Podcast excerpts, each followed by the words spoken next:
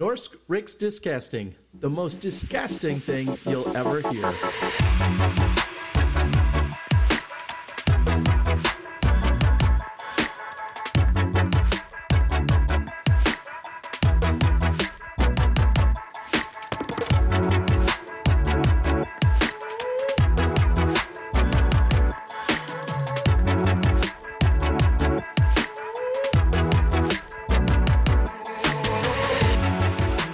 Velkommen til Norsk riksdiskasting. Vi er opp allerede i episode 35. Det er vel den femte allerede for året. Det er jeg ganske stolt av. Det har gått en og en halv måned bare.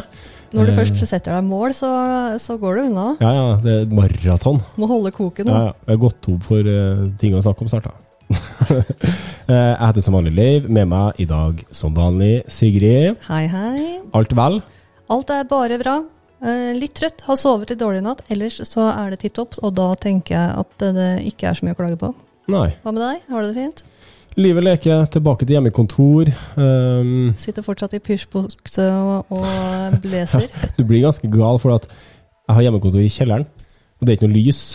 Eller det er veldig lite lys i kjelleren, så jeg legger meg når det er mørkt. Jeg står opp når det er mørkt. Leiv sitter i kjelleren, skraper sånne striper inni veggen sin i samme pysjbuksa i fire uker. 113. Men eh, Nei, men jeg, jeg trives på hjemmekontor, da. Det er litt skummelt, men man, man blir litt vel komfortabel etter hvert. Ja, problemet mitt er at jeg blander dager. Dårlig tegn. altså. Mandag, tirsdag, onsdag, der, der er det bare rot. Ja. Men fredag, lørdag, søndag, den har jeg. Den har du koll på. Ja. Da er du ute og Jeg glemmer det så fælt. Ok. Ok. Uh, men i dag så er ikke vi um, bare to. Nei, vi Vi er, er eh, tre. vi er tre. Og da er det på tide å introdusere vår special guest star, eh, vår utenrikskorrespondent rett ifra eh, Ekebergsletta, Ola Kolle. Hallo. Hallo, hallo, hallo. Velkommen. Takk, takk. Alt vel med den mannen? Ja, det må jeg si. Det kommer seg nå som uh, solen har litt, uh, viser seg litt mer på himmelen. Du er jo uh, primus motor for uh, Det er lov til å si det. For Krokol. Eh, ja, Med flere? Med flere, ja. Med ja, flere, ja. Mm. Det stemmer. Eh, jeg vet jo at dere har jo og jobba litt med en ny sløyfe der. Ja, den er ferdig nå. Den er ferdig, den, ja? Ja, Så det blir eh, offisiell eh, åpning av den eh, i eh, 1. mai, faktisk. Men den er absolutt spillbar nå. Er det, er det lite snø, eller er det Jeg har faktisk bare sett det. Jeg spiller av prinsipp ikke snø.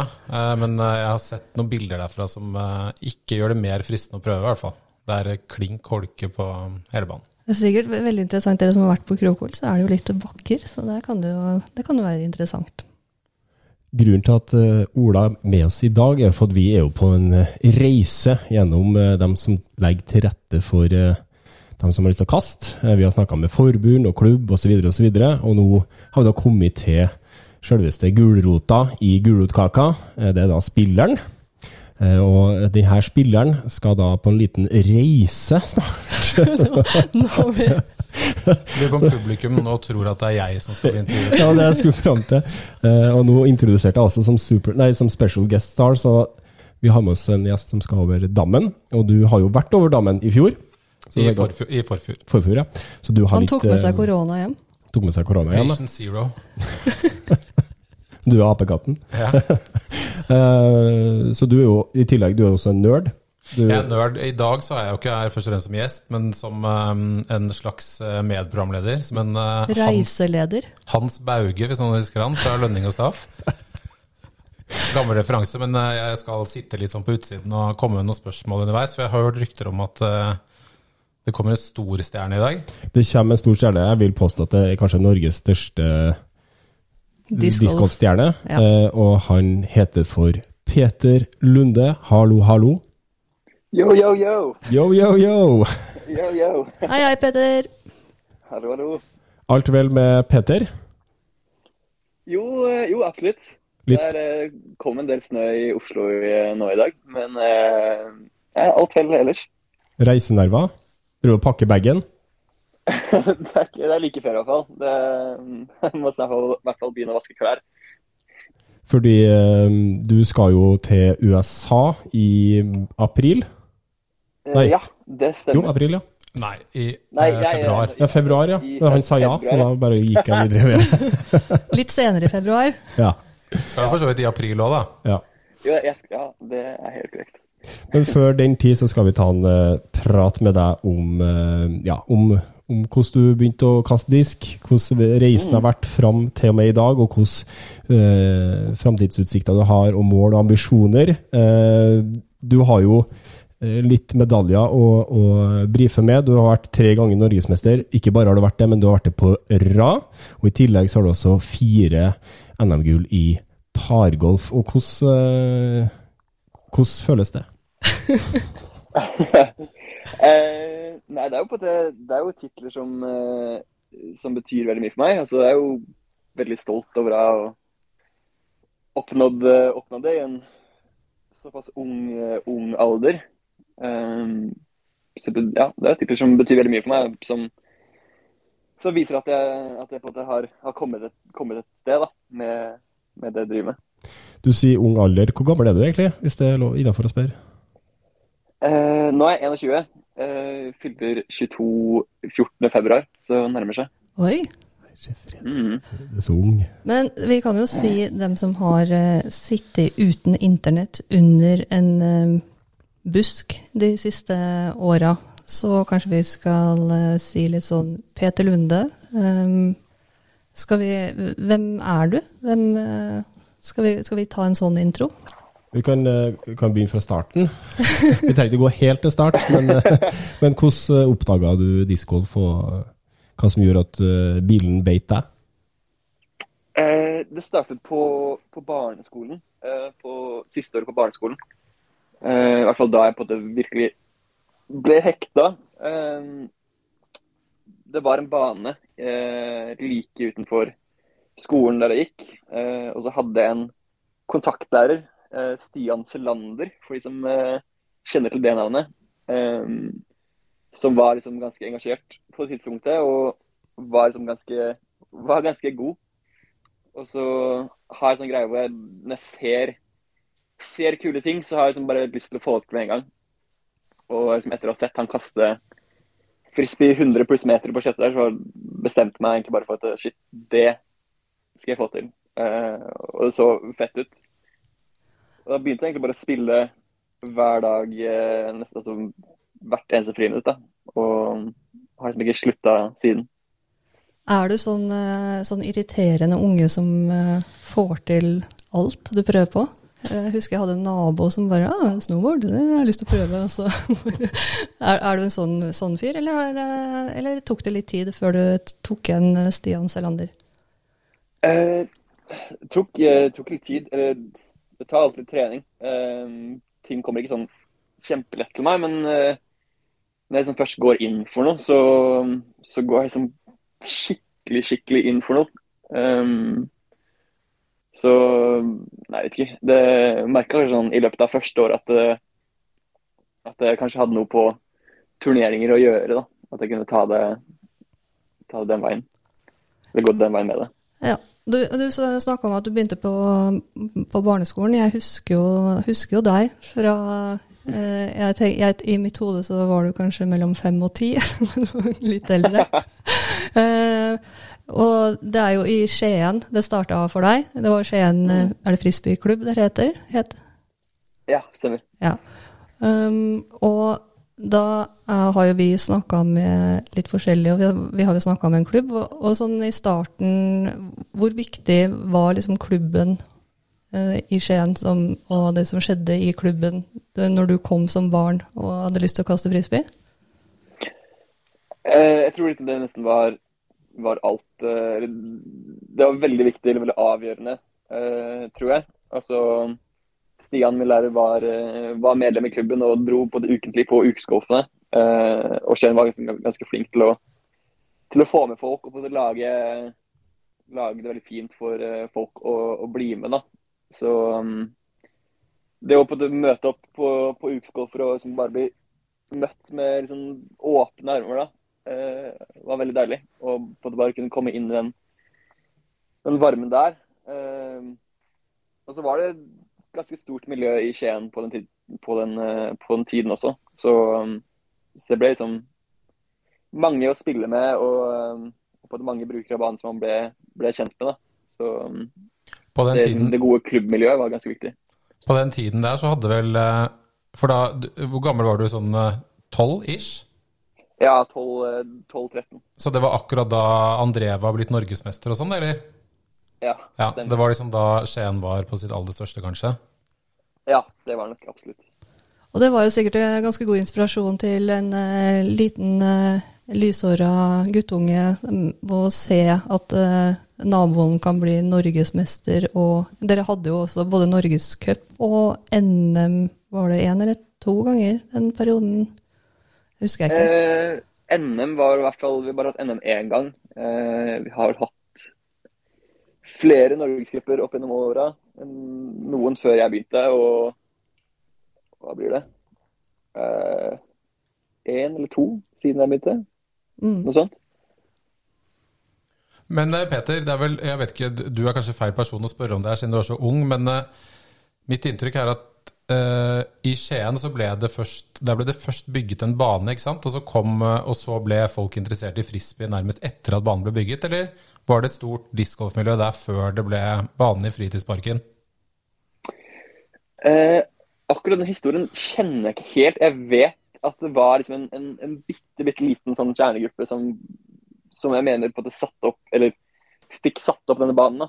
Eh, fikk den gjort. Eh, men det var i så fall ikke veldig stort. Eh, det booma liksom litt eh, etter banen ble satt opp, ja. Det var Ja. liksom ikke noe, noe kjempestort miljø for det i, i nærheten omtrent.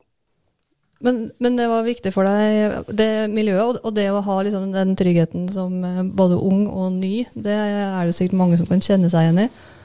Um, men så kom du jo i gang og hadde en ganske rasende utvikling. Og som du beskriver sjøl, du er jo en ivrig spiller, og, og på et eller annet tidspunkt så, så vokste du kanskje ut av klubben, eller sånn. Jeg tenker eh, nå er vel kanskje ikke klubb, klubben som er det viktigste, eller er det Har, har du liksom noe forhold til at klubben har fått, ja, kommet til kort? Jeg ble vel på det litt mer selvstendig etter hvert, eh, når jeg ble eldre og begynte å bevege meg oppover på resultatlistene og, og den type ting. Altså, eh, når jeg startet, så, så syntes jeg det var liksom veldig hyggelig å, å dra på tur til turneringer med eh, klubbkamerater, og, og så det kanskje litt mer på det som, som en sånn hyggelig tur. Men eh, etter hvert som jeg tok det litt mer seriøst, og så gikk jeg liksom litt inn i den konkurrerende spiller-Peter-rollen. Um, og det er, um, det er på en måte ikke så mye mer å hente, hente fra en klubb. Altså, selvfølgelig samholdet er viktig, men uh, uh, klubben har ikke vært en så avgjørende faktor um, for meg som spiller i, i de senere år. Altså. Det, Så du gir ikke noe kred for, til klubben for NM-medaljen, med andre ord?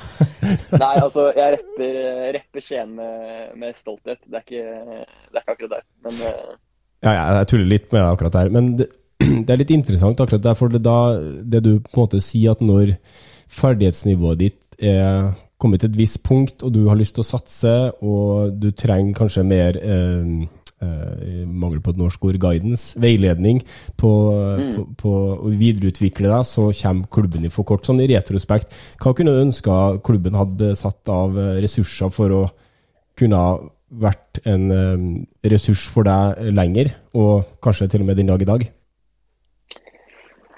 Uh, nei, jeg skulle kanskje likt å sett at klubben kanskje satsa litt mer på, på juniorspillere. Altså hjalp dem å, å komme seg ut på turneringer, kanskje i Sverige og Finland, for å gro som spillere og møte, møte flere spillere. Så, så det ligger litt der, eh, tror jeg. Altså litt det, det, det pushet og å komme seg ut og bare sørge for at det, at det skjer. da. Um, ja, litt den, den, type, den type hjelpen. Um, det er både vanskelig å, å, sette opp en slags sånn coach eh, i discgolf. Altså, man kan gjøre det sånn helt, helt i starten, men etter hvert så må man bare finne ut av sitt eget spill. Um, men eh, altså, juniortreninger også er jo noe, noe flere klubber bør, bør se prøve, prøve, å få til. da. Mm. jeg. Interessant. Vi, vi snakka litt om det før sending her, ikke, ikke med deg, men vi, eh, vi i studio. eh, om det her med Sammenligna oss med golf, da, som alle golfklubber har ofte en, en pro. Eh, Og sånn at man Altså Ronaldo, han har jo trenere, han òg. Altså, han- Det vi snakka om, var jo at, at i discgolf så er det ikke Det, det fins ikke en trener. Mm. Eh, eller vi har jo trenerkurs og sånn, men det er på en måte ingen som har en, en karriere som discgolftrener. Og at det er veldig, veldig få andre idretter som um, ikke har det. Eh, og og det, der, det er jo også litt sånn sjarmen at vi lærer hverandre og vi lærer oss sjøl. Men Mm. at det, det, det er jo også litt betenkelig, tenker jeg, eh, at det eh, burde kanskje vært noe Ja, det, det er en ting. En annen ting, jeg føler også at det er en litt sånn greie at jeg, jeg, hvem kan lære meg? Hvem skal på en Ja, måte det er de stå og lære? gode, det Ja. er de etablerte og de erfarne spillerne som viser, og det er jo en kjempe Jeg, hadde, eh, jeg regner med at du, Peter, kjenner deg igjen i det. Når du begynner å, å på en måte bare bli tatt under vingen, og de lærer deg alt, og alt er egentlig gratis og på goodwill, og det er jo eh, veldig vakkert, men Og uorganisert. Ja, og uorganisert. Du må jo ha litt flaks, og så må du ha litt god kjemi med dem du møter, og det må være kule folk. Så, men um, jeg bare tenker at det potensielt er ganske mye høyere nivå på en del spillere. Eh, ikke bare i Norge, men også eh, andre steder. Mm. Um, ja, Ingen- Dette er, litt, dette er nok litt ut her, men uh. Jeg tror jo de har, de, det, det virker jo som at uh, på de amerikanske spillerne man følger på sosiale medier, i hvert fall virker det som det er blitt de, har tren, de har jo folk som setter opp fysiske programmer for seg, altså gjerne fysiske trenere, eh, folk som hjelper dem med alt som har, skjer utenfor sporten. Um, Og man begynner å få manager, man begynner å få et team rundt seg, også for så vidt innenfor trening av det som går på helse, medisinske ting og fysisk trening, men discgolftrenere det har jeg inntrykk av at det nesten ikke Det kommer kanskje noen nå, men eh, jeg tipper hvis man ser på den sporten her om ti år, eh, så er jeg overbevist om at eh, det kommer til å være mer av det. eh, Som er mer sånn organiserte program for discgolftrening, da. Eh, Også blant de aller beste spillerne. Ja, det er det jeg syns er litt interessant. For jeg føler at uh, vi som spiller, da, på en måte, vi, vi tenker at det er ingen som kan lære oss noe. Altså, vi, vi, vi Går du rundt og tenker det? Ja, jeg føler, føler at det er liksom eh, Hvis noen skal lære meg noe, så må man, må i hvert fall ha høye ratinger enn meg, men det er jo egentlig bare bullshit. Ja, det er bare Altså, tull. Ja, ja, men jeg føler at det er det som er mantraet i, i discgolfmiljøet, på en måte, at, at eh, man eh, Ja, sånn som Peter, som, som vil eh, Eller nå skal ikke jeg legge ord i munnen på deg, men som tenker at du kanskje kan utvikle deg sjøl best. Altså Man vokser jo litt ut av klubbene og sånn. Men, men Peter, eh, kjenner du noe på bare sånn, For å hoppe over til noe helt annet. men kjenner du på noe sånn eh, Jeg bare kom på det der med, med å være Du hadde jo forbilder. altså André Johnsen som spilte i din klubb, ble norgesmester. Dere hadde masse bra arrangementer. Og så plutselig nå så står eh, du, eller på et eller annet tidspunkt så var det du som var forbildet. Kjenner du eh, mye på det? Uh, jeg har begynt å merke litt merke mer. eh, I og med at det, det har kommet så mange nye spillere på det inn i sporten. Og med, med korona så er det kommet mye, mye nye yngre spillere. Um, og jeg merker det, altså at, at jeg får meldinger i, i, i ny og ne, eller møter, møter folk på banen som, eh, som, som ser opp på meg. Som, ja. Uh, og det er eh, det er veldig stas, og eh, det er liksom litt der jeg vil Altså, jeg vil selvfølgelig prøve å være det, det beste forbildet jeg kan være, og, og på en måte være litt mer personlig med dem og, og gi dem tips slik jeg eh, på en måte håpet at eh, Eller sånn som André gjorde med meg, da. eh, På en måte gi litt videre. Ja, for det, det er jo det jeg mener det, det vakre i det, er jo at man på en måte um, arver kunnskapen videre og viderefører det man sjøl har hatt så gode opplevelser med. At hvis man hadde begynt å ansette trenere, så ville det bare blitt bare den konkurranse... eh, ja, jeg veit ikke. Jeg tror jo det er eh, helt klart sånn som Ola sier, at man om ti år eller uh, seinere at man må på en måte dit, men det, er- jo noe fint i det, delinga der òg. Absolutt. Um, men så er det på det, ja. Det er eh, en viss mengde liksom som Eller en viss mengde personer som jeg kan, kan på det dele videre med. Altså jeg møter ikke alle sammen uh, her. Um, men jeg tror etter hvert at vi vil kunne se litt mer um, sånn etablerte trenere til, til discgolf. Um, når flere og flere kommer opp på et høyere nivå, så er det ikke sagt at alle skal bli discgolfere. Selv i Norge så er det ganske mange gode discgolfere som sitter på mye bra kunnskap eh, som de fint eh, kunne delt videre. Og, og jeg tror eh, akkurat slik som fotballtrenere eller trenere i andre idretter, at eh, man kan få, litt mer, altså, få en trening litt mer organisert da, i, i klubbene. Og så er det kanskje sånn i diskgolf, sånn som det er i fotball, at det er noen som er bedre Trenere enn spillere. Ja. Du trenger ikke ha vært en god hest for å bli en god kusk. Det er noe som heter.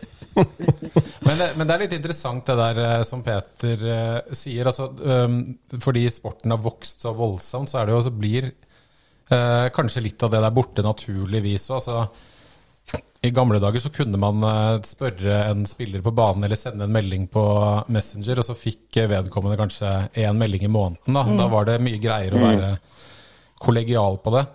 Eller være kompis, da. men jeg skjønner jo at det er litt vanskelig nå. Jeg har spilt spilte, en runde med Peter på Krokoli i vår, og du ser jo folk står nærmest og spionerer på deg når du kaster, liksom. Jeg kan bare tenke meg tenke meg innboksen din uh, fyller sikkert opp. Jeg skjønner at du du er jo på en måte en um, toppidrettsutøver, og det er grenser for hvor mange man kan um, Selv om man jeg, jeg, kjenner jo deg godt, jeg vet, jeg vet, jo at du har lyst til å være grei mot alle, men man kan jo ikke serve alle som spør og ønsker tips og sånn. og vi får vel egentlig være glad for at det går i den retningen, at det har vokst så fælt? Mm. Uh, ja, altså Jeg vil jo ikke kunne, rekke, over, uh, rekke over, alle, alle som, det, som, spør om det, men prøver uh, liksom å, å, ta meg tid i, i ny og ne. I måte på at jeg er så Jeg er veldig gira på, på, å se folk utvikle seg og bli bedre. og jeg, det, jeg har brukt, brukt ganske mange år på å opparbeide meg den kunnskapen jeg har. Eh, og da vil jeg veldig gjerne på det se den kunnskapen bli gitt videre. At, eh, at, folk kanskje får noe ut av det jeg har lært meg. Det er Som i Kevin Spacey-filmen 'Pay It Forward'. Den referansen tror jeg bare du tok. Ja. en nydelig film. Eh, men mens vi er inne på akkurat det der, jeg så jo Det blir mer og mer vanlig at proffer eh, åpner opp via gjerne online. da, At man kan sende inn eh, video at man kaster, og så for en viss sum så kan man få en tilbakemelding på eh, teknikken sin og litt guidance og sånne ting. Er det noe du har vurdert eller gjort, eller? Eh, jeg har absolutt vært innom tanken. Eh, nå har jeg på en måte ikke hatt den, den friheten til at uh, discgolf er liksom jobben min. Eh, alltid sjonglert discgolf med både skole og nå jobb. Eh, så slik, slik, som det er nå, så har jeg på ikke helt tiden til det. Hvis jeg vil få trent så mye som jeg selv ønsker. Um, men det er absolutt en mulighet uh, etter hvert for at det er noe jeg kan, kan begynne med. altså. Jeg så det spesielt mye på offseason i fjor. Det var veldig mange proffer som la ut at de kunne ta imot videoer og tilby da guidance. Mm. Det er jo mm inntektsmulighet. Men ja, du, du fant sporten, syntes det var gøy, syntes André Johnsen var flott, og eh, fant en klubb du var glad i, og så begynte du å finne veien din sjøl. Var det også når du begynte å gjøre deg bemerkelsesverdig nasjonalt, at eh, Innova Champion Discs eh, fatta interessen for deg? Eh, ja, de, de fant meg vel eh, liksom, Eller de begynte i hvert fall å se på meg som en, eh, en kandidat i løpet av uh, eh, 2014-sesongen min. Uh, da spilte jeg for så vidt bare, bare Norge, men uh, begynte liksom å, gjøre meg bemerket på, på norgescuper. Uh, så husker jeg fikk, fikk kontrakt med dem i 2015. og det var det var skikkelig, skikkelig boost for min i hvert fall. Uh, altså, en sponsoravtale er på det én ting som, som skal hjelpe deg med utstyr og den type ting. Men uh, bare det at folk er eh, At Innova, liksom det aller største merket, eh, ser på meg som, som en verdig spiller for, for laget deres, eh, gir også en ganske stor selvtillit. da. At, det, på det er, at jeg er en kandidat for det. Eh, jeg husker liksom spillet mitt Spillet mitt ble både boosta av det. Eh, eller spillet mitt ble boosta av det i tillegg, da. Ja, for det er noe med det øh, å på en måte bli anerkjent for øh, den, de ferdighetene du sjøl mener du har, og det at noen faktisk sier ja, du, du kan jo kaste. Mm. Eh, Ja, det. og hva, hvordan kom det her i stand? Var det noe du aktivt oppsøkte sjøl, eller, eller var det dem som på en måte tok kontakt med deg og sa 'halla, Petter'? Eh, nei, det var egentlig ikke noe jeg sånn veldig hadde oppsøkt eh, selv. Det er jo en, en, en drøm å bli, bli sponset. Jeg hadde alltid drømt om det da jeg var liten. Men eh, det var eh, Jeg husker jeg ble kalt inn på kjøkkenet en dag av, av min far til eh, litt sånn til et sånt familiemøte. Jeg, Vi pleide aldri å ha det så veldig ofte.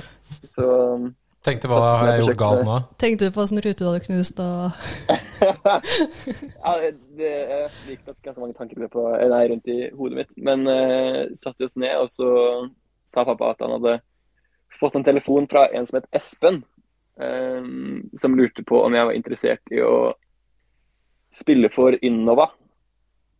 Og da Ja, da var jeg så sjokka. Men uh, ja, det var uh, stor dag. Og her er du på ditt sjuende år eh, som eh, Innova-spiller. Du har aldri vurdert å skifte sponsor i løpet av denne perioden? da?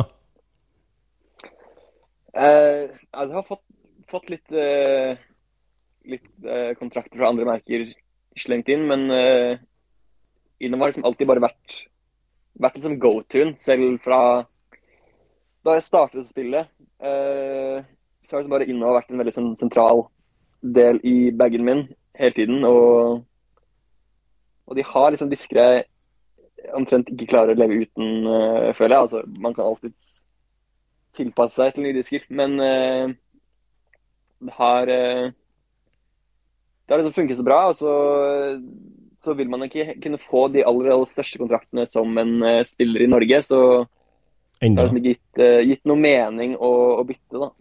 Nei, og så tenker jeg også hvis ikke eh, de tilbudene du har fått på en måte har vært av en helt annen, altså ekstra nulle eller noe sånne ting, så er det jo ikke noe vits. Eh, altså Det betyr jo litt at de var de første som hadde trua på deg og støtta deg alle de årene her, og, og det med å være lojal eh, begge veiene.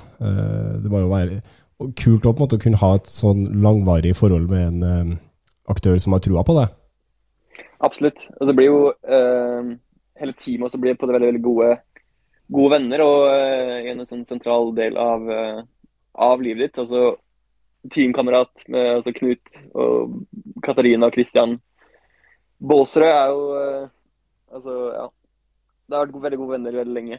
Eh, og det å gått over på et helt annet team da blir som å forlate byen din med alle vennene dine og flytte langt, langt vekk. Det, det ja. Man kan på en måte si kanskje at uh, Team Innova har blitt det Skien tatt over eh, stafettpinnen på å, å utvikle Peter?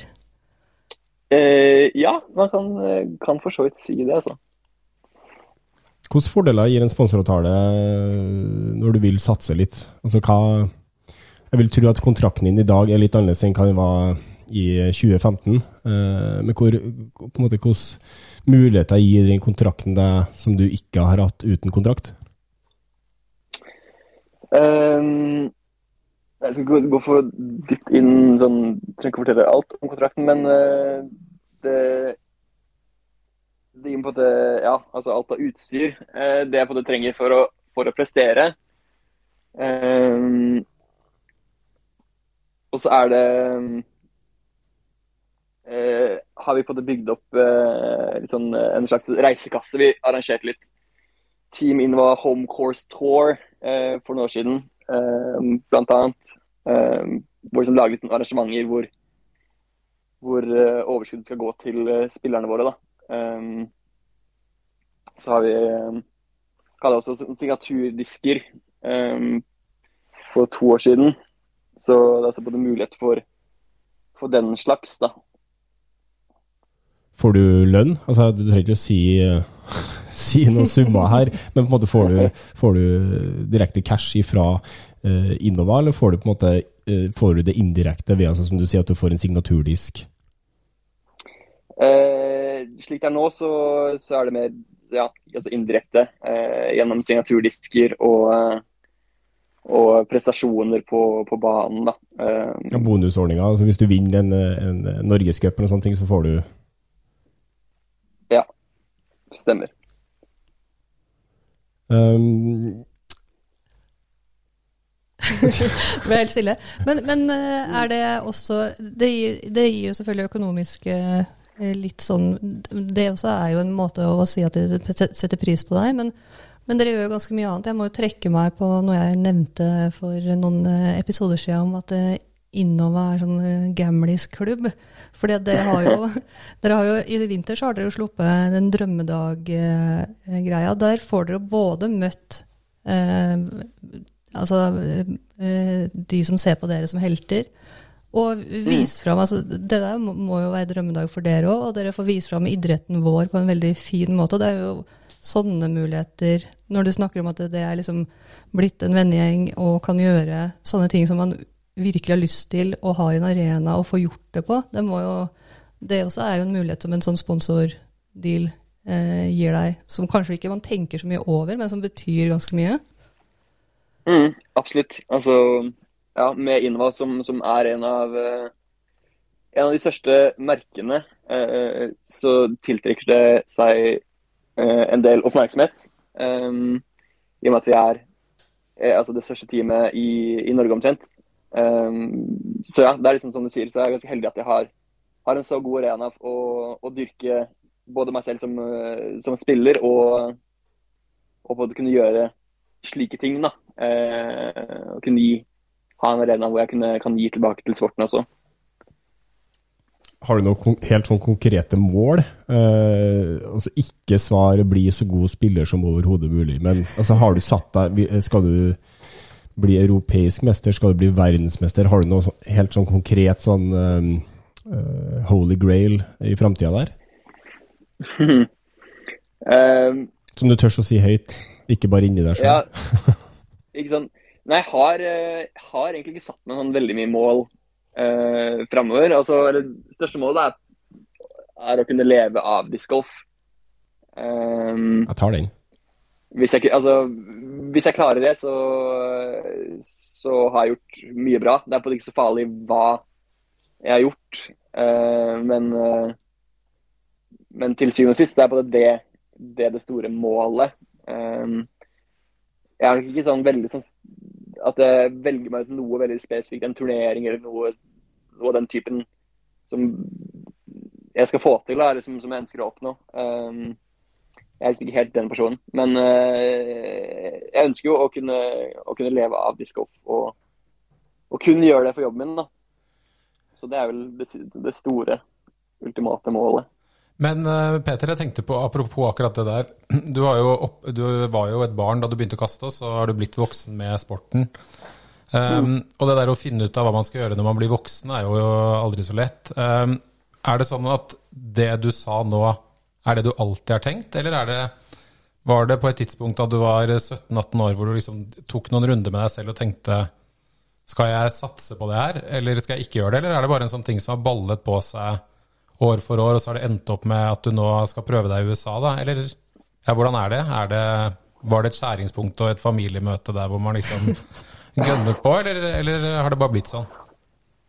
Um, nei, altså Da jeg starta, så Jeg husker, nest, altså, husker nesten ikke helt uh, hva som var den store drømmen da, eller hva jeg ønsket å, å gjøre med, med sporten. Altså, det var så tidlig på det livet at jeg hadde så mye hadde så mange år på skolen foran meg, da, så det var liksom vanskelig å tenke så langt i, fram i tid til at, det, til at jeg skulle på det bli profesjonell allerede da. Um, jeg husker etter hvert når jeg ble eldre, som 16-17, 18 at, eh, at jeg måtte på gå litt, eh, litt runde med meg selv. Og, og husker jeg hadde en periode hvor jeg egentlig hadde sagt til meg selv at, eh, at nå gjør vi noe annet. Eh, at discgolf er fett, og, og, vi prøver å bli så gode som mulig. Men at jeg kanskje hadde lyst til å, å leve, eller gjøre noe annet. da. Altså når, når man begynner å å bli ferdig med videregående, så, så, tenker man automatisk på OK, hva skal jeg studere nå, eller hva skal jeg bli? Um, det var jo før covid, så liksom, det var før man virkelig så at discgolf var en uh, sånn realistisk måte å leve på, eller noe, noe å leve av. Mm. Um, så jeg husker jeg egentlig var, uh, var ganske sånn satt på å, på å studere og, og på å få litt mer sånn van, vanlig liv. Um, men så, ja, litt sånn med timing også. Jeg, jeg, skulle liksom også prøve å komme meg til USA ganske mye tidligere, eh, og så skjedde på det ikke det. Eh, og så ble det bare kanskje litt sånn Jeg ble demotivert at det ikke, at det ikke skjedde, men eh, det var noe der. men nå som på det, det begynner å løse opp, eller åpne opp for, for reising igjen, og nå har vi på det planlagt tur over, eh, og ting endelig skjer. Og, og jeg ser at det, at det, faktisk kan være mulig å, å leve, leve, ganske ålreit av, eh, av, sporten. Så, så, har jeg gått tilbake igjen til der at det, Nei, det er det, det er det her jeg vil. Altså det her. Mm. Fordi, nå så gir det mest mening, eh, mening å prøve, prøve, å leve av discgolfen. uh, som er, har vært og fremdeles er en så sinnssykt stor stor lidenskap. Mm. Og så er det jo også um, I tillegg til det, så er det jo en Det er jo ikke som uh, om du var en fotballspiller heller, for, uh, for uh, den karriereveien har jo blitt til mens du har blitt god. Det er jo det som er litt Du var jo inne på det med covid og sånn, men, men, med den veksten som er nå, så da i 2014, da, så var det jo kanskje ikke så realistisk å faktisk få en I hvert fall som spiller få en sånn ordentlig levevei som i hvert fall eh, foreldre vil være fornøyd med. Eh, mens nå så er det, jo, eh, er det jo realistisk. Du er en av Europas beste spillere, og, og um, det steget opp der, ja, det kan vi komme tilbake til etterpå, men det er ikke nødvendigvis sånn veldig stort. Og er man, er man der oppe, så er det en helt uh, Altså det er en godt betalt, kan bli en godt betalt jobb som det ikke var på den tiden. Da. Så jeg, jeg skjønner at hvis man uh, De drømmene blir jo litt til mens um, mens uh, levebrød blir laget òg. Det er jo det som har skjedd nå. Ja da, uh, absolutt.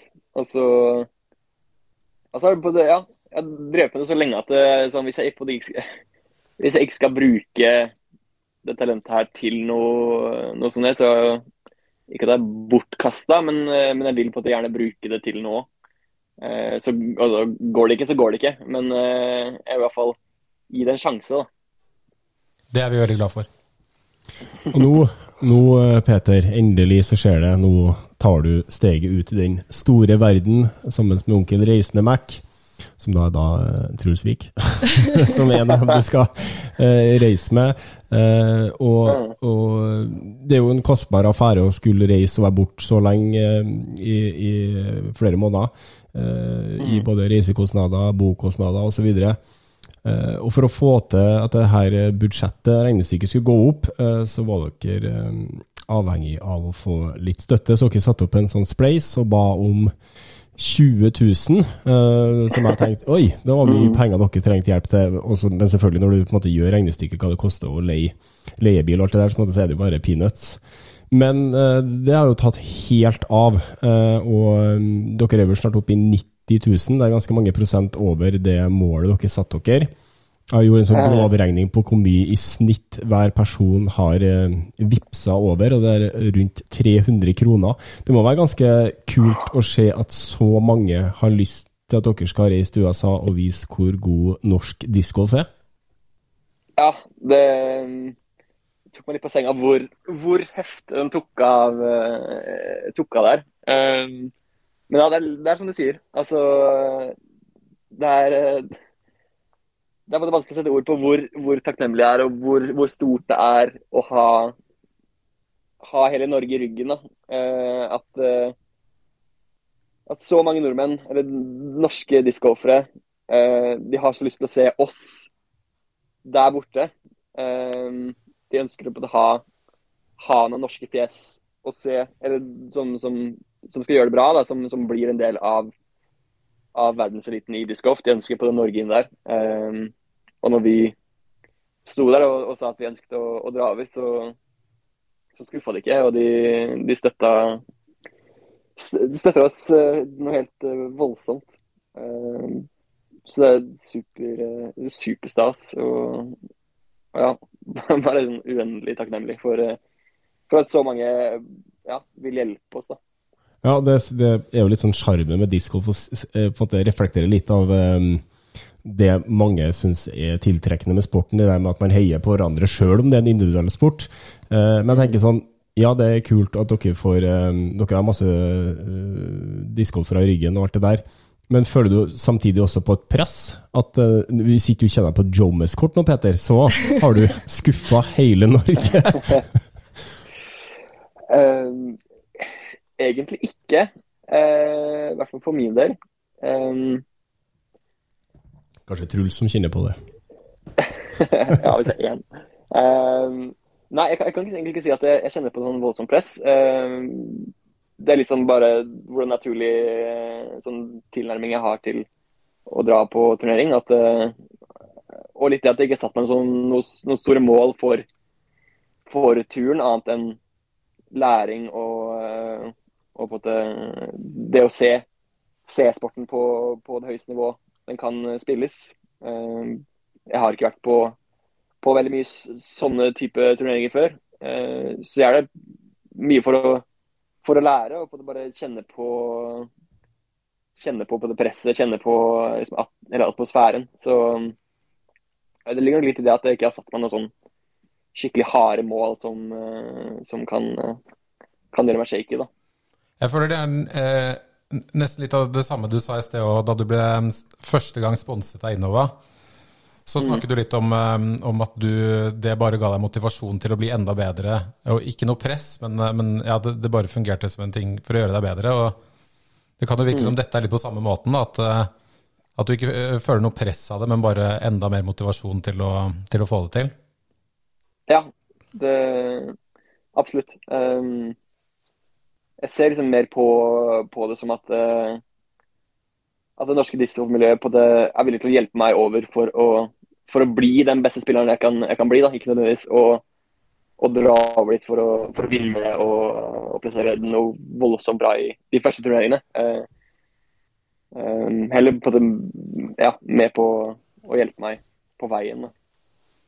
Jeg tenker også Det er også en unik mulighet for deg til å bygge brandet Peter Lunde. Jeg vet ikke hvor mye du tenker over det, men sånn, du er jo den, eh, kanskje den uh, discgolferen i Norge som er Uh, av dem som er uh, oppe i toppsjiktet, som er flinkest i sosiale medier, uh, byr på seg sjæl, jovial, har et snitt humor og, og, den biten der. Altså, tenker jeg også, sånn, Hvis du tenker litt fram i tid, du reforhandler vel kontrakter etter hvert også.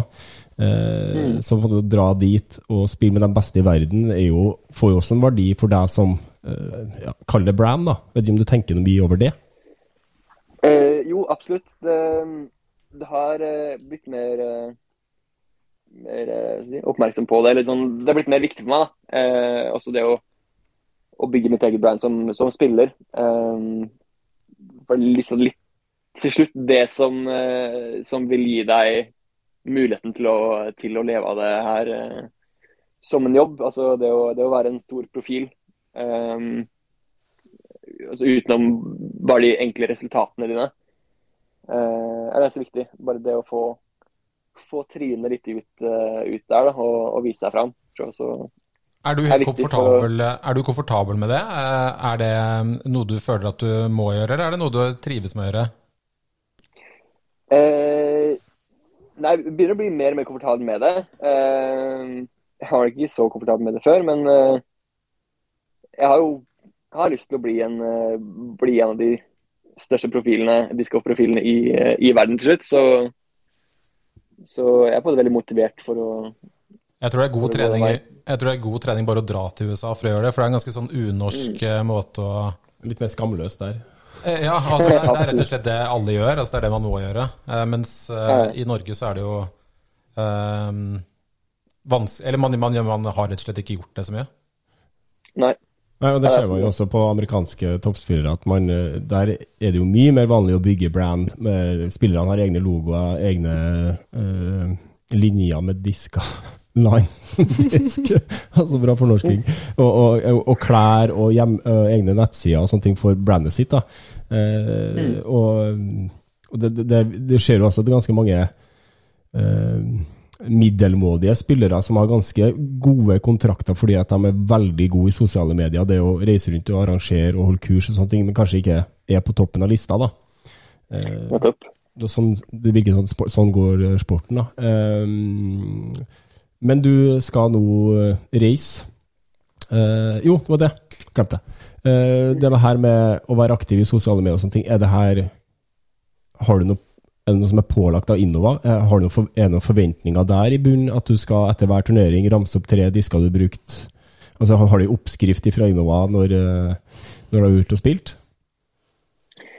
Uh, nei. Eh, min avtale er, eh, er ikke bygd opp eh, slik. Men jo mer oppmerksomhet altså rundt, rundt brandet og, og du selv som spiller, jo bedre er det på det litt sånn for deg selv. Men jeg er ikke pålagt, pålagt noe slikt som, som det. Altså, men igjen, altså når, når en sponsor går inn og, og, og støtter, så, så vil det naturligvis gi, gi noe tilbake igjen. Og, og der, eh, der er jeg både glad for at jeg har en så god match med Ino, at det, at det er så naturlig for meg å, å gjøre det da, i de, eh, de settingene Ja. eh, hvor det skjer. You do you. Mm. Ja. Høres ut som en eh, god samarbeidsavtale, Petter. Men da skal vi eh, eh, tråkke over i eh, reisesegmentet i denne sendinga, og, og Ola skal få lov til å ta over. Eh, Skal jeg det? ja, det her er Ja, nei, jeg ditt tenkte. Peter kunne, eh, Peter kunne fortelle selv litt. ja, For, uh, vi må jo huske at det er ikke alle lytterne her som har full oversikt over hva Det er jo um, en del nordmenn som skal over. Sånn, du får rette på meg, men det er vel Mm. Knut og deg som skal være med på Dere skal være der fra nå, eller fra slutten av februar til uh, slutten av april? Uh, starten av mai, faktisk. Starten av mai, ja, ikke sant? Og så er det noen som er med i starten. Øyvind Jarnes, vet jeg. Lykke skal vel dit. Kanskje noen flere som skal spille også. Jo, Evald skal. E Evald. Mm, Ja. Eh, og så faller de av, og så reiser Knut og du videre. Og så skal dere spille rett og slett en eh, ordentlig feit rekke med turneringer mer eller mindre hver helg, eller dere følger eh, Dere skal spille ja. utenfor pro-turen også? Ja, vi har satt opp Vi kommer til å spille turneringer hver eneste helg fra vi kommer dit til vi drar omtrent. Uh, eneste er eh, Vi reiser sammen med Blair fra Island. Eh, han er kvalifisert til Champions Cup, og det er ikke vi. Eh, så vi håper på at det skal åpne seg mulighet for å, å smette inn der. Hvis ikke så har vi, har vi én helg eh, fri da, Ja. til, å, til å trene. Og dit, da må vi si det, dit skal jo, sånn som jeg har forstått det på sosiale medier i hvert fall, så skal etter all sannsynlighet Anniken reise over for å spille den, ikke sant? Jepp, Ja. det stemmer. Uh, og Øyvind tror jeg ikke skal det, hvis han ikke blir overbevist. Hvis han kommer seg av fiskeskøyta. Um, men um, Og så avslutter dere det hele med Dynamic Discs, er det det? Ja, Ja. stemmer. Avslutter der i Emporia, og så har vi noen dager etterpå som vi skal eh, ja, kjøre en liten roadtrip opp til eh, Chicago. Ja, jeg så det, at dere skulle fly hjem derfra. Det så ikke så logisk ut, det programmet akkurat der. Eh, nei da, det må ikke spørre meg. Eh, jeg, jeg vet ikke selv hvorfor vi endte opp der. Men eh, Men vil du litt, vil du fortelle litt om, det, om det praktiske? Sånn, um, dere kommer til uh, Los Angeles, og der, ja, det sa jeg forresten ikke. Christian Baalsrud skal jo være med i starten der. Så da Ja. regner jeg med at han har pakket med seg et kamera også. Um, det stemmer. Ja, så da skal dere noe greier i LA, og så Las Vegas, og så kanskje spille turnering der. Så kanskje du vil fortelle litt om planen videre derfra? Eh, ja, vi eh, kommer til å plukke opp en, eh, en svær en RV, som bobil, eh, etter vi er ferdig med Las Vegas Challenge.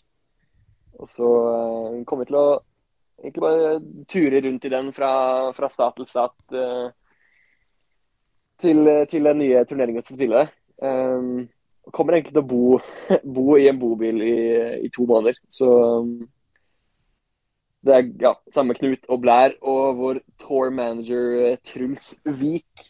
Ja, nettopp. For, for, dere gutta har ikke sertifikat, ikke sant? så dere trengte noe hjelp der? Vi trengte litt hjelp der. For, eh, ja, Blær har sertifikat, men så er han ikke gammel nok til å få leid bobil, tror jeg. Det lurer jeg på om ikke vi er heller. Men i hvert fall vi måtte ha litt hjelp, så da fikk vi heldigvis med oss Truls på, på turen også. Så det kommer til å bli helt konge. Ja, det blir konge. Mye mer pro enn pros i USA som drar rundt og farter og kjører sjøl. Så dere har egen sjåfør. Bare kommer eller 'Hello, America'. Eller verge. Ikke gamle nok. Men, med alt dette er på stell nå, eller? Dere har leid en konkret eh, sånn RV som det skal ta dere rundt og eh, Ja, nå har vi alt eh, egentlig pakket og klart eh, der. Nå er det egentlig bare å sette seg på flyet og, og reise over. Shit. Det blir gøy. Du drømmer? Ja, det... Hvordan kjennes det ut, Peter, når, du, når vi snakka deg gjennom fra du var tolv år, og så har du vært innom Jeg har jo fulgt deg egentlig helt siden da, eh, og møtt deg litt her og der. og jeg eh, føler også, jeg kjenner deg jo ganske godt. Og, og, det der med at du gikk fra å kanskje skulle studere litt og ja, klødde deg litt i huet om hva du skulle gjøre, og så bare Nå er du på vei, nå skal du bo i en bobil sammen med andre discgolfere og bare kjøre på. Hvordan kjennes det ut? Uh, nei, altså Det uh, Det som kommet, eller kommer fram til, men uh, det har nok ikke helt sånn sunket inn helt enda, at liksom jeg skal over der og jeg skal leve et litt sånn annet, annet liv. da. Um, USA er liksom bare i og med at jeg aldri helt har fått, fått reist dit, så, så er det litt, sånn et sted som nesten ikke eksisterer for meg. Det er litt sånn si, sånn eventyrland eh, omtrent. Så, så, det er vanskelig å se for seg liksom, hvor det kommer til å bli. Um, så det har ikke på det helt sånn gått opp for meg helt ennå at, at jeg faktisk skal bort dit. Men uh, det, det, jeg vet, er at jeg, at jeg gleder meg til, uh, til den dagen jeg går ut av flyet og jeg faktisk står står der i USA, da, og, og i den Når jeg faktisk kommer til de banene jeg har sett på YouTube i, i alle år, og på bare sikre etter at uh, shit, nå, nå er jeg faktisk her, da. Jeg kjenner på en sånn enorm misunnelse. som jeg, jeg, jeg tror aldri jeg har kjent på en sånn misunnelse. Altså, jeg jeg begynte å spille da jeg var 35, og nå er jeg 40, og så hører jeg på en som har spilt i 10 år og er 21 år, og skal til å reise og være tre måneder i USA for å spille sammen med Og beste i verden. Ja, ja. Det, det kommer aldri til å skje med meg. Så bare hører Så nå skal jeg leve livet gjennom Peter de neste månedene. Det gleder jeg meg til. Syns du det er litt gøy at du, du, ja, du snakker om det som eh, liksom, drømmelandet og har ikke vært der før. og Du får ikke akkurat den mykeste starten heller, når du starter i LA og Las Vegas der. Da blir det, det blir ordentlig USA fra dag én. Ja, det, er mye inntrykk, eh, mye inntrykk der, altså. Har du forresten um, Det er jo, som du var inne på der, så er det jo ting man har sett på YouTube. Vel, jeg ser jo alle de turneringene dere skal spille, er jo kjente turneringer på kjente baner det har vært filmet mye fra. Er det noen mm. spesielle ting um, du, er det noen baner du har sett deg ut som du føler passer spesielt bra for deg, eller som du har gledet deg spesielt til å spille? Um, er det noen sånne ting, eller er det bare du vil ha med deg alt? Um, altså, det er liksom alle, alle baner som uh, har fått sett på YouTube og, og gleder meg mye til. Uh, Las Vegas blir jo ganske spesielt i og med at det er første turneringen. Um, og kommer fra kalde Norge og kan stå der i T-skjorte og, og, shorts. Men uh, jeg gleder meg også veldig til uh, Music City Open, som er kanskje en litt mindre kjent turnering for de fleste. Men uh, igjen på det baner som, som har sett mye på YouTube. det ligger liksom i Tennessee, og min favorittspiller opp gjennom årene er Will Shoestrick, som også er Tennessee-gutt. Um, så jeg har sett mye videoer av han kaste på de banene, mm -hmm. uh, som har gitt meg mye inspirasjon opp gjennom åra, uh, og som kanskje har formet litt, litt, litt min, sånn, min, spillestil og, og den slags. Så jeg gleder meg veldig til, eh, til de banene også. også. Gøy. Eh, eh, du var så vidt innom Champions Cup. Den skal jo i hvert fall spilles på en legendarisk bane. Det, har du Ja. fått noe feeling på om det, hvor aktuelt det er at eh, de endrer på For det er invitasjonsbasert, ikke sant?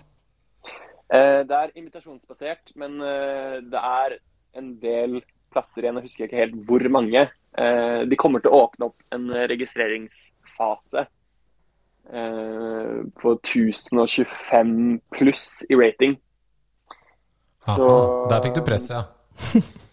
Ja, enten så må jeg bare skaffe meg rating kjapt, eller så um, må jeg bare krysse fingrene for at det, det er noen få plasser igjen når eh, det åpner for 1000 pluss. Ja, og da er det sånn den helgen der, det er vel ikke, dere har vel ikke akkurat dårlig av en frihelg der heller, for så vidt. Men eh, er det sånn at hvis eh, dere ikke skulle fått plass der, Knut og deg, så vil dere fortsatt være der, eller finner dere dere en Jeg regner med at det er turneringer i, i USA hver helg, hvis dere hadde hatt lyst på det. Kommer dere til å se etter noe annet? da? Ja, altså, det har vi ikke helt planlagt enda, hva som skjer hvis vi ikke får plass. Men eh, jeg tror vi kan ha godt av en, eh, en sånn frihelg. Eh, Mm. det er ganske mye bra baner i Georgia, i Georgia der, da. Så Og vi reiser sammen med Blær, som sagt. Så, og han har huset sitt i bobilen vår. Så det er på en måte ikke veldig langt vi kan, kan flytte på oss. Nei. Um, Nei, nettopp. Selvfølgelig. så,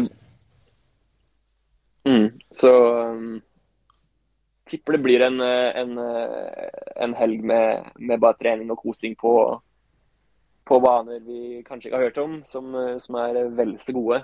Um, ja, rett og slett bare frihelg. Jeg tenkte jo på det, den veien dere skal da fra eh, eh, Nå husker jeg ikke helt, men etter Champions Cup så kommer vel Jonesboro Dynamic Discs Open. Og da er det jo forbi eh, St. Louis og Missouri, og det er vel den eh, Eagles Crossing, den nye banen som skal være helt sinnssyk her, blant annet. Ja, stemmer. Jeg på, har kikket, kikket på det. Ja, så det kjører Så- dere vel forbi, så da kan dere ta en liten sving om der òg. Ja, det er liten omvei, men eh, jeg har fått pitcha det inn til resten av gutta at det har i hvert fall jeg lyst til. Du får ta lappen, så får du bare ta kontroll på bilen og svinge, svinge av til høyre. Ja, kanskje ta lappen der borte. Det, Ja, faktisk. Ta, det tar to dager, det, så, er det, så har du kontroll. eh, Ikke for å være helt hundebæsj her, men eh, det er ikke mange som er mer noia for covid her i Norge enn meg. Eh, Tenker du noe over det når du skal over dit? Eh, det er nok mer det at jeg er redd for at det skal altså, skje et eller annet som, som gjør at jeg ikke får reise. Um, har, eh, har selv vært gjennom, gjennom korona her hjemme, så, um, så jeg har liksom antistoffer sånn, i kroppen. Så um, jeg er ikke så redd for å få det, egentlig. Om jeg skulle fått det igjen, så får det bare skje. Men eh, nei, i grunnen ikke, egentlig. Enn at eh, ja, om det skjer, skje, skje noe spesielt som, som ikke lar oss reise, da. Nei, Her sitter jeg en kjeller i Klæbu for å få covid, altså. Det er ferdig nå, Leiv. det er ferdig nå. Da er det jo åpninger, og så er, det, og så er vi jo ikke minst ganske godt utdanna i hvordan vi skal forholde forholde oss til dette her. Eh, Jeg tenker at vi er ganske strenge her i Norge, og vi har ganske god trening på hvordan man skal unngå Men det er jo litt krise hvis dere begynner å dra inn Det, det er litt kjedelig i hvert fall, hvis dere begynner å dra inn eh, korona i bussen. Det mister jo, mister jo kanskje noen, noen spillerdøgn. Det, ja, det, det gjør vi nok. Um, men uh, ja, vi kommer nok bare til å ta Jeg tipper at Truls Vik har full kontroll her. Her er det antibac, og Ja, det tror ja. jeg vi skal Det skal, skal vi ikke levne en kalori. Nei, da får teipe på en sånn antibac-flaske på, på utsiden av, av bobilen, så får jeg spraye oss litt før vi går inn. Men ja, da eh, har du snakka om at du har vært i USA. Nå er vi ferdig med USA. Hva skjer, eh, hva skjer etter denne turen? eh? Du går jo glipp av noen norgescuprunder. Det er kanskje ikke det som står som du, du tenker så mye på akkurat nå når du skal ut og spille mot de beste i verden, men, men eh, da blir det kanskje NM da, som blir, eh, blir det nasjonale målet? Eh, ja, absolutt. Eh, NM står fremdeles ganske høyt opp eh, for meg. Um, så det er det største, største målet her i Norge. Um, ja, litt usikker på egentlig hva jeg kommer til å spille av de norske turneringene. Jeg har ikke helt sett på det enda og vurdert. Um, jeg har også lyst til å, å gjøre det bra i Skien, i og med at det er nesten ubeseiret der på de store turneringene. siden 2015. Så jeg har liksom lyst til å holde streaken der også. Kommer du til å reise noe mer eh, Altså når du kommer hjem fra USA, så er det jo eh, fortsatt eh, sesongen bare så vidt starta her hjemme i Europa. Noe, kommer du til å reise eh, mer ut i år, eller er det liksom Er det USA som er målet? Um, kommer nok til å Jeg driver og ser på muligheten for å reise litt til uh, Sverige i sommer. Og så um, så har vi ikke helt avklart det med USDGC, men uh, vi kvalifiserte oss sånn i grunn uh, i fjor. Ja, sant det. Um, hvor vi ikke kunne, kunne, dra. Så håper at det skal uh, løse seg på et eller annet vis. At vi enten får kvalifisert oss på nytt, eller får beholde plassene våre. Da. Um, så da blir det nok fort vekk en tur på høsten igjen.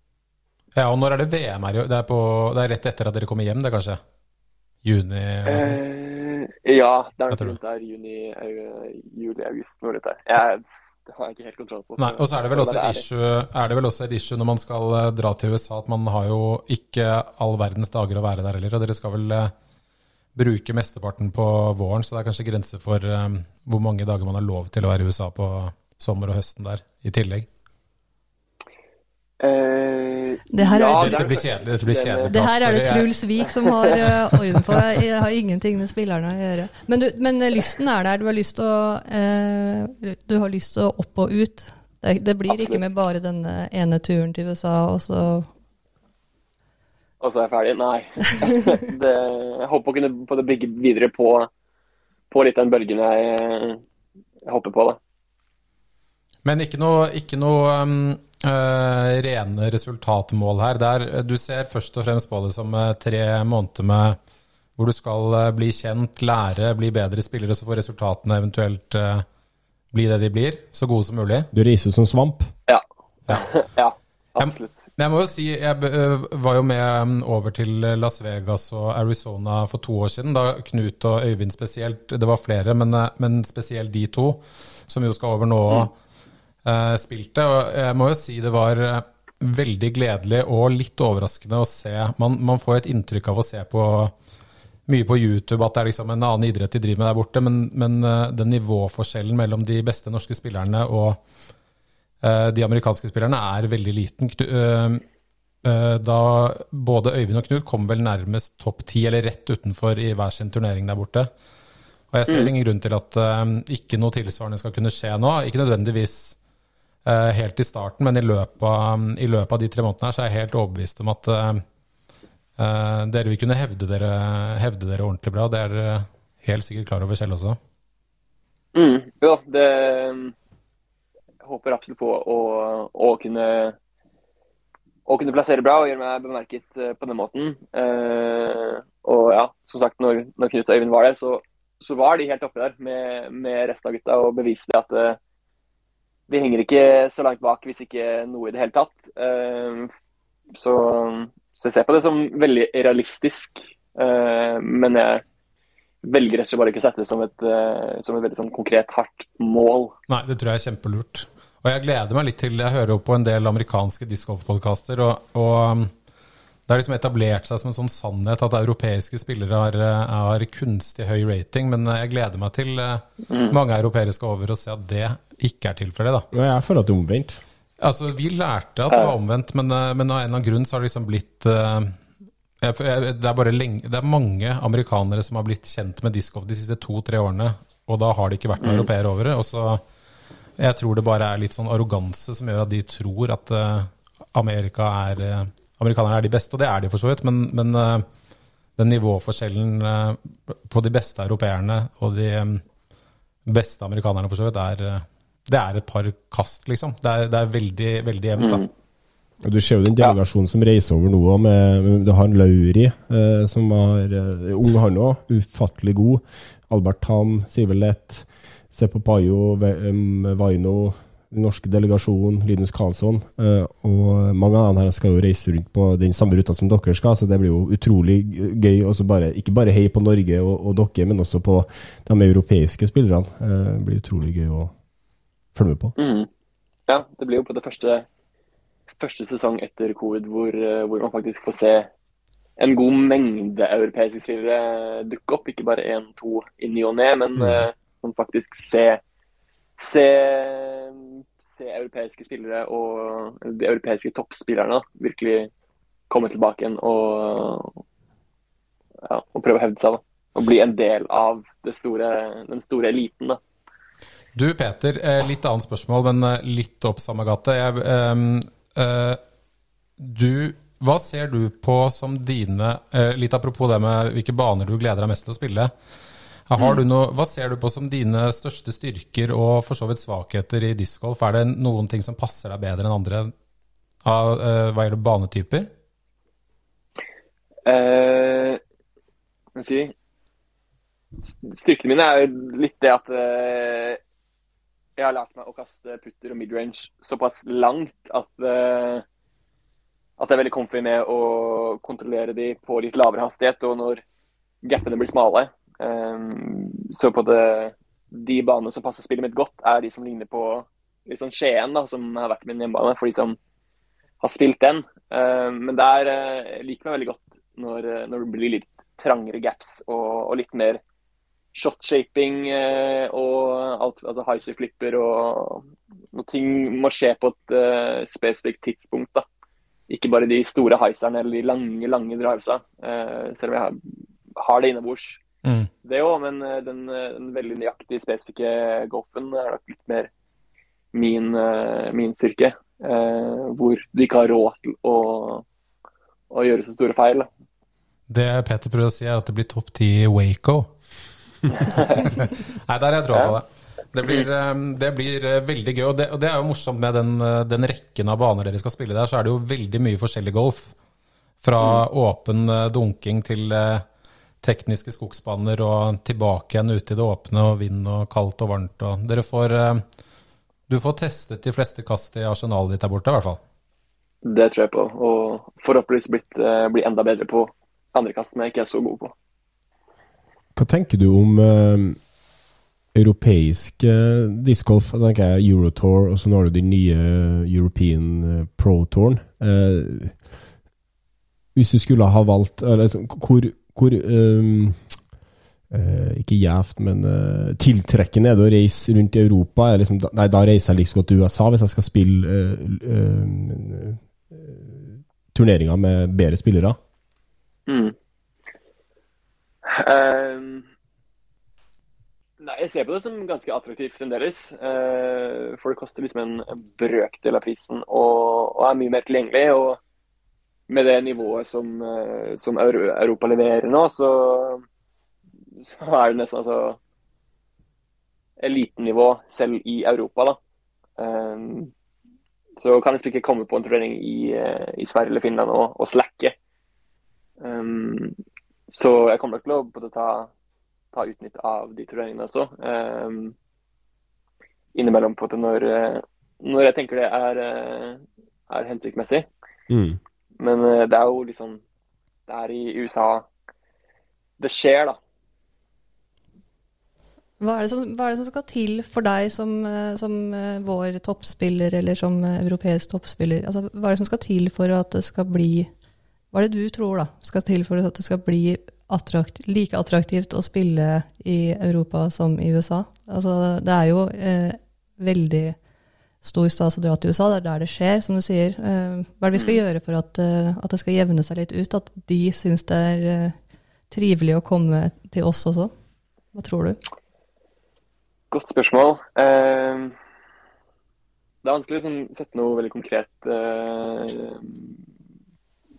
konkret der, men eh, jeg tror med den veksten eh, altså bare Europa har hatt nå siste årene, at det, det bare trenger litt mer tid. eh, men vi nærmer oss der også. Altså USA har fremdeles flere spillere innenfor det, det høye nivået enn en Europa har. Eh, kanskje ikke det er så langt ifra engang, men eh, eh, trenger på en måte bare litt, litt tid. Og, og vi trenger også mer oppmerksomhet, kanskje, um, på de europeiske turneringene. Um.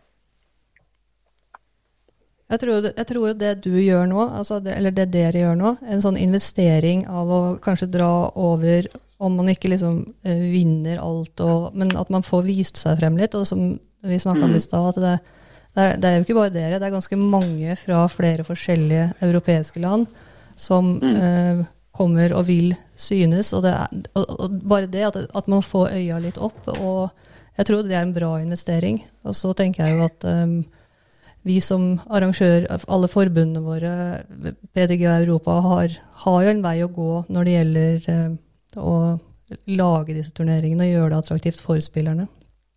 Mm. Uh, ja, det, det kommer nok til å, til å, hjelpe det med at uh, så mange europeere er tilbake i, i USA, og, og kanskje ikke tar over, men, eh, men, viser at de også er, er veldig så gode. Eh, at eh, det blir liksom likestilt. Da. At eh, amerikanere også velger å dra til Europa hvis det er attraktive nok turneringer der i form av eh, ja, utbetalinger og baner og, og, den type ting. Eh, og arrangement, ikke minst. European Open har jo vært en sånn type turnering i alle år som, som amerikanere må dra på. altså Ingen vil gå glipp av den. Men eh, vi trenger flere sånne type turneringer. Og Apropos deg, Petter. Du, det snakket vi ikke om i sted med din sesong videre, men du skal spille PCS eh, Sula, eller? Mm. Ja. Stemmer. Da får man jo uh, endelig muligheten til å lage en sånn type turnering i Norge også. Sånn som European ja. Open er. Kan jo være målet på sikt. Absolutt. Jeg tror det er et, et godt steg i riktig retning, det, det at PCS Sula Open ble en uh, Disc Golf Pro Tour. Um, ja, kult å se at de, de har trua på, på, arrangementet og banene og, og, alt rundt. At de velger å, å gi den den, eh, den uh, si, klassifiseringen eller ja. Mm, mm. Og også morsomt status da, som Pro Tour. Ja, og også morsomt å se hvor mange av de amerikanske veldig gode spillerne som prioriterer det, selv om det i utgangspunktet faller jo litt uh, dumt for dem rett etter en helg med turnering uh, i USA. Så er det Jeg ser flere og flere navn som dukker opp som har tenkt å spille, så det blir ikke Det blir et A-klassefelt, for å si det mildt. Absolutt. Tilbake til Norge. hva tenker du om norsk discgolf? Hva er vi gode på, hva er vi mindre gode på, hva bør vi gjøre for å løfte norsk discgolf. Nå ligger vi jo på en måte noe, vi ligger jo noen bukselengder bak uh, eh, f.eks. Finland og, uh, og Estland. Uh, vi ligger ikke bak Estland. Det irriterer meg at det er blitt et faktum. Men, men det, her, det, vi det, det, her er det er jo, min, det her reflekterer internett nå. Men det her er jo bildet på nettopp det at nå har Estland eh, fora opp noen bra spillere, og man har begynt å få øya opp. og ja, men, da, altså, da, har man et bilde De norske spillerne er minst like gode som Ja, men, ja, da, men da, har man et bilde av at dæven, der finnes det noen. Og jeg tenker jo at når Peter og gjengen fra Europa drar til USA, så vil de få det samme bildet av Europa som vi har kanskje hatt av eh, mm. Estonia. Men ja, la oss stryke Estonia fra den, det spørsmålet mitt her, da, Peter. Hva, hva, er vi gode på i Norge, og hva kan vi bli bedre på? Eh, stort spørsmål, men eh, det er vel mer eh, si um, Nå satt hun ordentlig ja, på satt Ja, nå satt man litt i, i, i Nå har du ansvaret for Du er ansatt som hva, hva daglig du... leder i Knife. Hva, hva, hva, er det første du ville gjort? Nei um... Ja, det Jeg tenker kanskje at Leiv har noen tanker om det. Eh, vil du, vil du kaste ballen eh, litt, litt lavere, kanskje?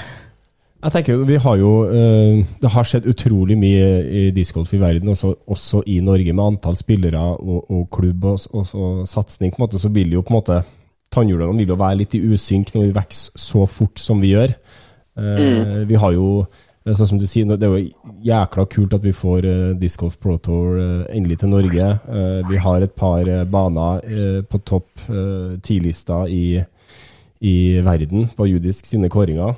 Uh, sånn at uh, vi, vi, gjør jo noe riktig, uh, men, men, men ja, sånn som når jeg kan trekke fram Estonia og Ola klikker her, på en måte, så har jo Estonia på en måte gjort et eller annet for at, eh, for at måte, de framstår som et, et, et større uh, discgolfland enn Norge. Mm. Um, ja, jeg, jeg, tror det går um, på det, det som skal til for at uh, Norge blir et større discgolfland sånn sett. Uh, så, så, går det litt mer på arrangementer, mer kvalitet på arrangementene og, og kanskje banene som, som, hører til. Skal ikke legge sånn veldig skjul på at enkelte norgescuper har ikke vært like attraktivt for, eh, for oss å spille nå de siste årene. Og, og er, uh, det er liksom en, en, en, grunn til da, at arrangementene og, og banene har liksom ikke vært proft nok, eller har ikke møtt våre standarder. da. Det her er interessant, for det her er vi litt innpå. Når du sier at arrangementene ikke er, eh, møter dine standarder, får du til å være litt sånn konkret rundt det? For det her, jo, det her har jo på en måte vært uh, eh, snakka om mye på, på, forbundsnivå mellom klubber, og vi har slitt med å få arrangører, uh, og at dere Jeg tror jo på en måte at mange norske spillere på en måte spiller spiller kanskje ikke Norgescupen fordi at det er de feteste turneringene, men for å vinne sammenlagt og få mulighet til å spille EM og rating og den biten der. Men det er ikke mm. arrangementene i seg sjøl som gjør at dere reiser dit. Eh, hvor, hvis du får det til, da, finne pinpointet, liksom, hvor er det vi må forbedre oss på, på arrangementssida? Um, mye går på uh, rett og slett på, på banene for, uh, for min del. Um, um, for å gjøre en liksom, For meg, for å gjøre litt mer attraktivt for meg å spille, så, så savner jeg kanskje mer baner som, som, skiller, som skiller mer. Um,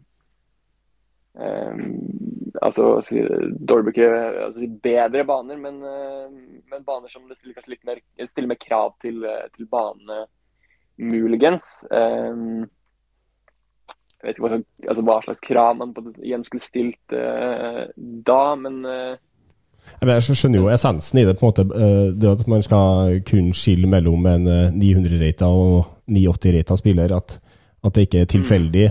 og at ferdighetene på en måte er nok til å skille en, en, en spiller fra en annen? Ja. korrekt. Ja. Og nå er det jo, det kommer jo flere og flere baner. Du har jo Uh, må jo nevne Krokål, da. Ola sitter jo her. Det er jo en fantastisk bane som skiller godt. Uh, vi har jo mm. flere.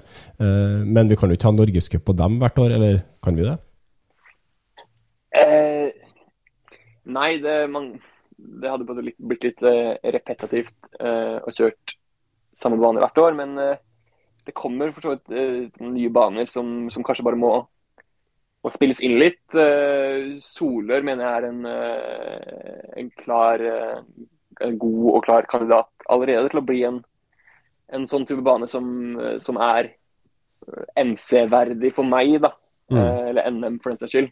Um, den er for, for, så vidt veldig synd at jeg ikke får med meg. Det gleder egentlig gleda meg mye til. Men, det gjør jo faktisk også at jeg driver jo Jeg blir jo 40 år, og det jeg kan stille i master, og så er jeg prøvde å peile meg ut.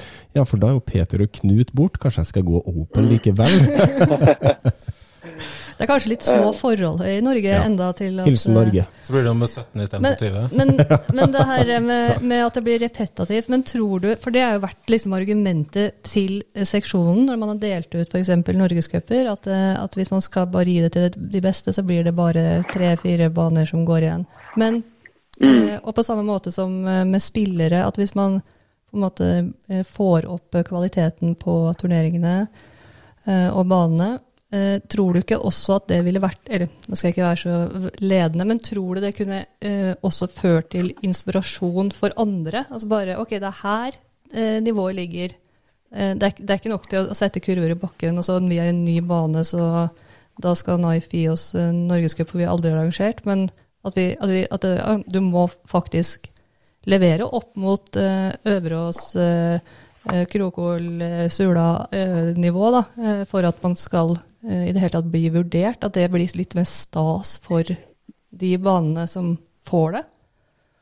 Mm, eh, absolutt. At eh, Ja. Eh,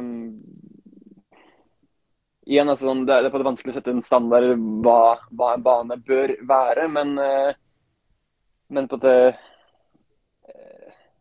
Ja, jeg håper at folk ser på det som, eh, som slags inspirasjon eh, med de allerede Vi har jo mange gode baner nå. Eh, så jeg håper at på flere vil eh, ønsker å ta banen sin til det neste nivået. da, eh, Med å håpe en være kreativ med hullene og, og kanskje sette seg litt mer inn i sette seg inn i discgolf, eh, altså hulldesign og banedesign. Hva som, hva som er spennende linjer, hva som er rettferdige linjer, og hva som eh, skiller, og hva som er tilfeldig.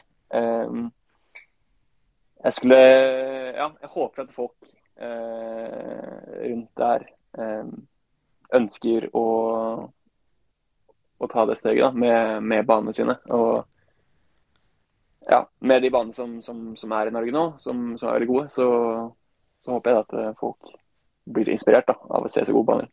Ja, og du, du, du skal ikke sammenligne Norgescupen eh, med Disc Golf Pro Tour, men eh, Disc Golf Pro Tour har jo stort sett gjengangere der òg. De har jo gode baner. Jeg tror ikke Jeff Springs sitter på bakrommet og Hey, we've never been there. We should try out a new course. Ja, det var litt det jeg mente, at, at hvis man først da kommer inn i det sirkuset, så er det et kvalitetsstempel bare i seg selv, og det er stas for banedesignere og de som holder på med den banen. Nå, nå tror jeg det for så vidt, eh, selv om eh, Jeff Spring ikke sier akkurat det, så tror jeg nok det også er et uh, mål de har der. Om, uh, jeg hørte Paul Macbeth på et eller annet intervju snakket om at uh, årets Disc Golf Pro Tour-sesong var litt kjedelig, for det var eh, kun stopp de hadde vært på før. Eller var det i fjor? Men, men, eh, så, så de har jo også ønsker om å få nye baner inn der. Det er bare at kvaliteten må være god. da. At det, er liksom, det, det, det er ikke noe det er ikke alene nok at en bane er ny og man ikke har spilt den før, men, eh, men eh, hvis den er det, eh, og den er bra, så er jo det det beste, selvfølgelig. At man har noen faste stopp og, og mm, kan slenge på nye etter hvert som de bygges. da. Ja, ja det er kanskje en grunn til at den var det Eagle, Eagles Crossing Mm. ikke er en Disc Operator i år, selv om banen kom i fjor og, og de har hatt folk over og, og sånn, men den banen må på det også gås litt inn da, og, og bli spilt av flere spillere.